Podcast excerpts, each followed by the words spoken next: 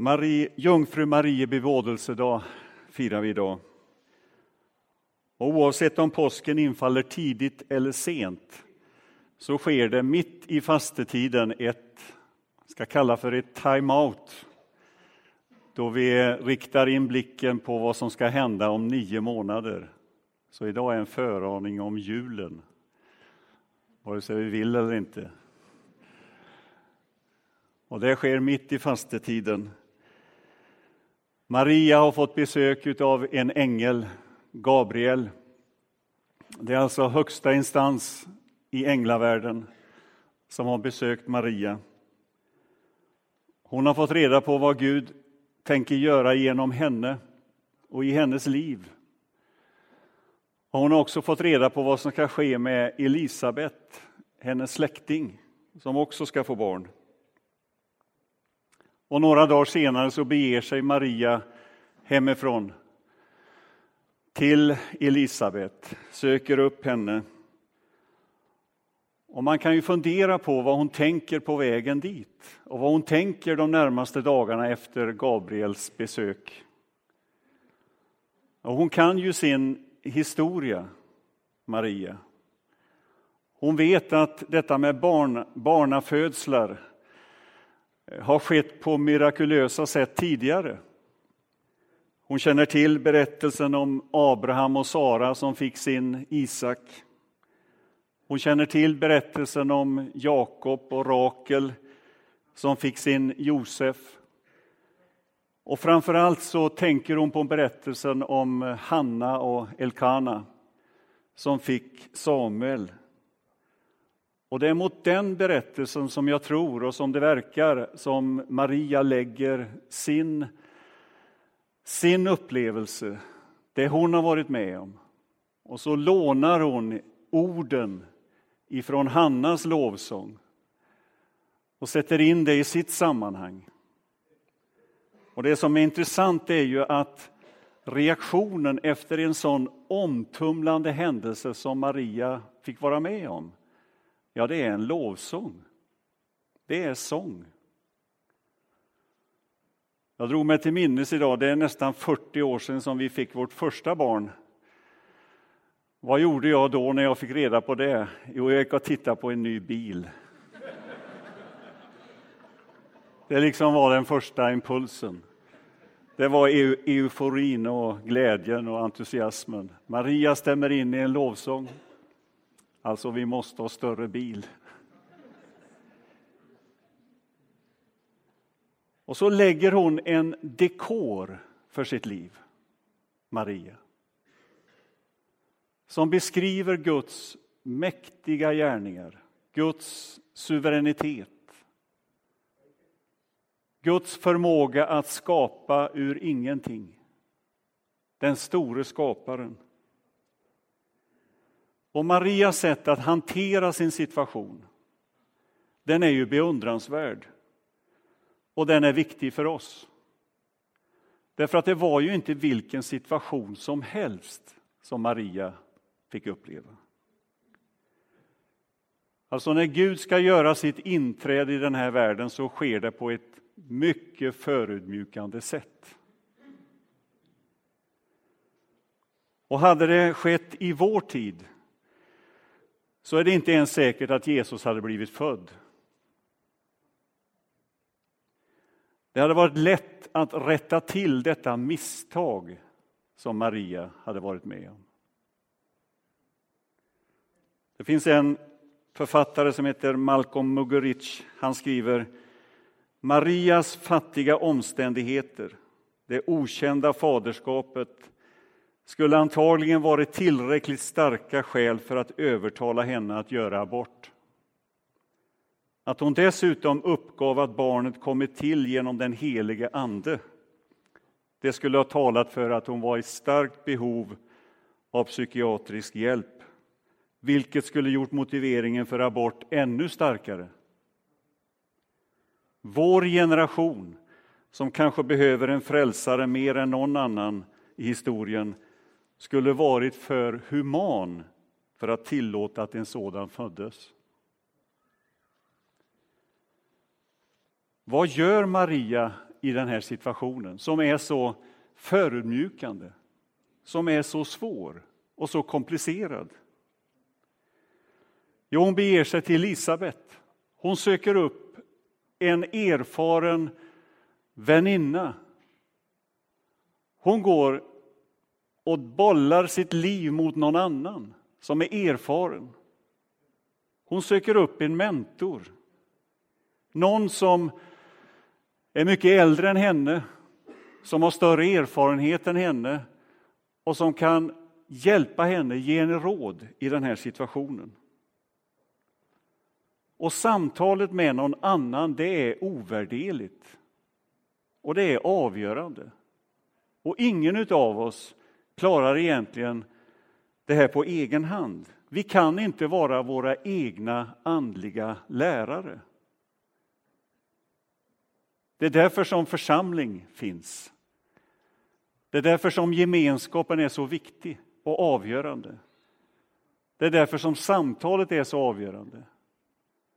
Att jag ser att jag räcker inte till själv, jag behöver andras erfarenhet för mitt liv.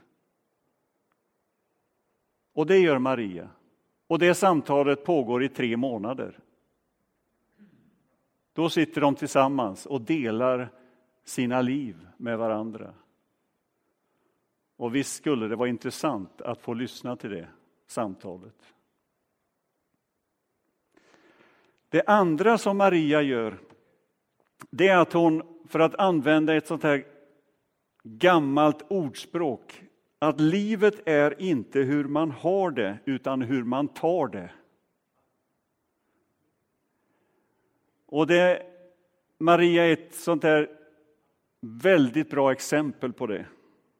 Jag är Herrens tjänarinna. Låt din vilja ske. Hon har en slags självinsikt, Maria och en överlåtelse i den självinsikten. Och självinsikten handlar om att mitt liv, mitt lilla, min lilla värld, där jag finns, är mycket större än bara mig. Mitt liv berör inte bara mig själv, utan många andra. Den självinsikten. Att jag påverkar min omgivning Vare sig jag vill eller inte, så finns jag där. Ingen människa är en isolerad ö. Alla släkten ska prisa mig salig, säger Maria. Hon såg att hon var insatt i ett mycket större sammanhang än i sin lilla värld. Och så är det med oss alla. Våra liv berör varandra och våra liv berör andra och påverkar andra. Och den stora frågan är, på vilket sätt gör det det? Den tredje inställningen hos Maria, det är ju att hon väljer glädjen.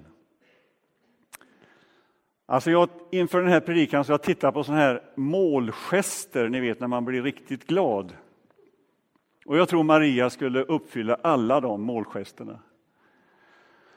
Alltså, hon, hon brister ut i en glädje och en entusiasm som jag hoppas att, eh, att eh, jag själv skulle kunna uppringa, men nu är jag som jag är.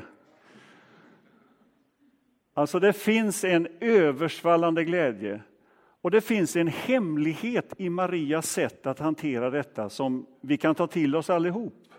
Nämligen att hon väljer glädjen. Hon väljer att se möjligheten i det som händer.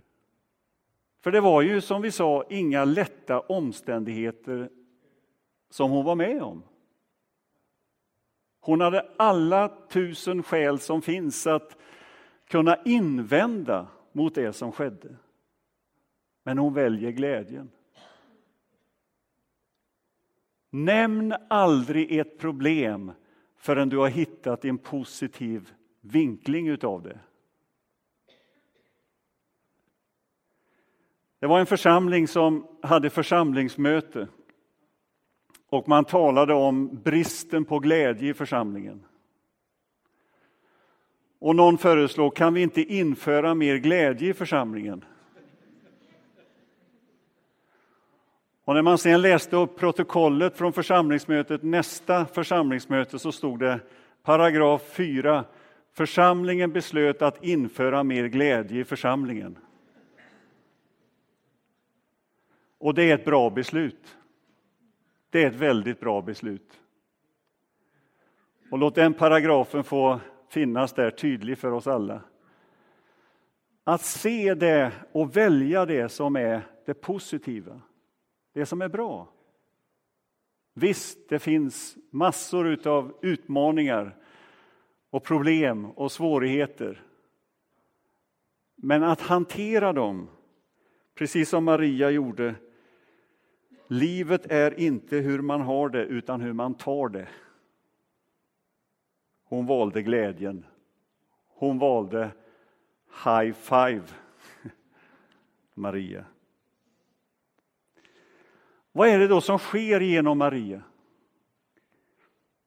Jo, här får vi vara med om det mest centrala, absoluta fundamentet i den kristna tron nämligen inkarnationen, hur Gud blir människa. Han har vänt sin blick till mig, säger Maria. Och han har vänt sin blick till oss. Och inte bara vänt sin blick, han har kommit till oss. Han blev en av oss så att vi skulle kunna bli det han är. Och berättelsen om Maria är ingenting annat än att den handlar om hur Gud landar mitt i vår mänsklighet, mitt i vår historia. Mitt ner i våra liv, i våra sammanhang, ner i vår vardag, i vår värld. Till och med i de maktstrukturer som vi förfasas över i vår tid. De som har övermodiga planer. De som är härskare och utövar sin makt på ett felaktigt sätt. De ska störtas på sina troner. Mitt i vår värld, mitt i vår komplexa värld med allt det som finns, där kommer Gud. Riktningen och anslaget är Stora ting låter den mäktige ske med mig och hans förbarmande över dem som fruktar honom varar från släkte efter släkte. Vi tänker ju ibland att detta med inkarnationen, att Gud blir människa, handlar om ett mer eller mindre ett experiment på 33 år med Jesus när han var här på jorden. och att Jesus sen får till himlen och nu är Gud närvarande fast på ett osynligt sätt. Och Det här är ju två sidor av myntet. Inkarnationen, att Gud faktiskt kom genom Jesus Kristus ner i vår värld. Det är rätt, det är riktigt. Och det riktar vi vår blick på idag i den här texten och på jungfru Marie bebådelsedag. Men den andra sidan av myntet är ju att detta med inkarnationen fortsätter. Gud fortsätter genom oss att göra sig synlig i den här världen. Det säger någonting om oss som kyrka, församling och någonting om vårt uppdrag i den här världen. Att vi liksom Maria får ta emot Jesus i våra liv och förmedla Jesus där vi finns. Och det här uppfattar ju Nya testamentets författare väldigt tydligt, inte minst Paulus. Han berättar ju om när han möter Jesus på Damaskusvägen och han får höra orden, eller han ställer frågan, vem är det, vem är du Herre? Och så svarar Jesus, jag är Jesus, den som du förföljer. Jesus fanns där påtagligt i de troende, i de kristna. Han var inte borta, han fanns där. Och när Paulus sen beskriver församlingen i Första Korintierbrevet Så talar han om en kropp med många lemmar och så säger han, så är det också med Kristus. Han säger inte så är det med kyrkan eller församlingen, utan så är det med Kristus. Kristus finns här, närvarande, genom oss. Det finns en berättelse om den lilla fyraåriga flickan som vaknade skräckslagen mitt i natten. Hon hade drömt en mardröm. Och så springer hon in till föräldrarna och som går med henne till rummet, tänder lampan och gör klart att det finns inga spöken och inga monster någonstans. Och så säger de till henne, du är inte ensam här. Gud är hos dig och vakar över dig. Och då svarar flickan, ja, ja, jag vet att Gud finns. Men just nu så behöver jag någon med skinn.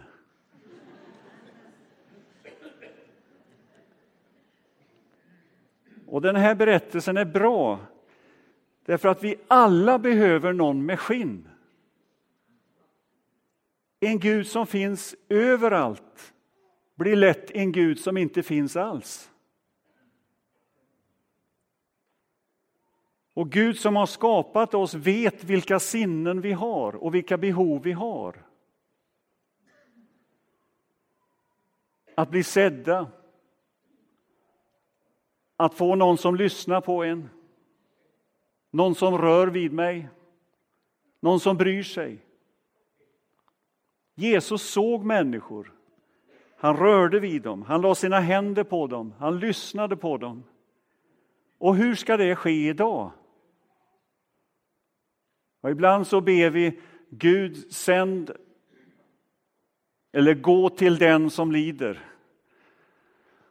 Och det är klart det är en bra bön, men det är kanske du och jag som är bönesvaret i det. Hur ska det ske? Jo, genom oss. Världen behöver någon med skinn. Så är det. Teresa av Avila hon skriver Kristus har ingen annan kropp än din. Inga andra händer än dina. Inga andra fötter än dina.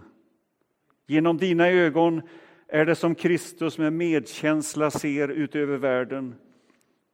Med dina fötter är det som han går omkring och gör väl och med dina händer är det som han nu välsignar. Och så blir Marias inställning en ledstjärna. Och ibland så tänker vi ju så här att vår nuvarande position det är ett hinder för Gud att använda oss. Om bara omständigheterna vore annorlunda. Och här är ju Maria ett lysande exempel på en inst rätt inställning. Att det är just där vi står som det börjar. Det är där vi finns som Gud vill använda oss. Maria hade ju all anledning att tänka att om bara omständigheterna vore annorlunda så skulle allt vara bättre. Men det uppdrag som Gud ger oss börjar här och nu. Ditt givande, vare sig det gäller handlingar, pengar eller tid, vad det än är, så börjar det här och nu, där du finns. Inte där vi önskar att vi vore. Ängeln säger inte till Maria, vilka är dina meriter? Utan orden är, var hälsad, du högt benådade. Detta är vår utgångspunkt. Och det är vår rikedom. Och det är vår kraft och våra meriter. Du har funnit nåd hos Gud.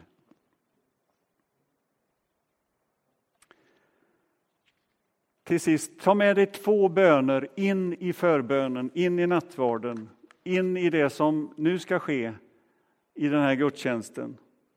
Den första bönen, här är jag. Så bad Maria. Här finns jag. Ta mig. Låt din vilja ske. Må det ske med mig som du har sagt. Det är den första bönen. Den andra bönen. Ta emot den helige Ande i ditt liv. Förra lördagen hade vi en alfadag omkring den heliga Ande. Jag hade noga instruerat att vi kommer att be för dig. Och vad du gör det är att du formar dina händer som en skål så här. Och så kommer vi till dig och ber för dig om helig Ande.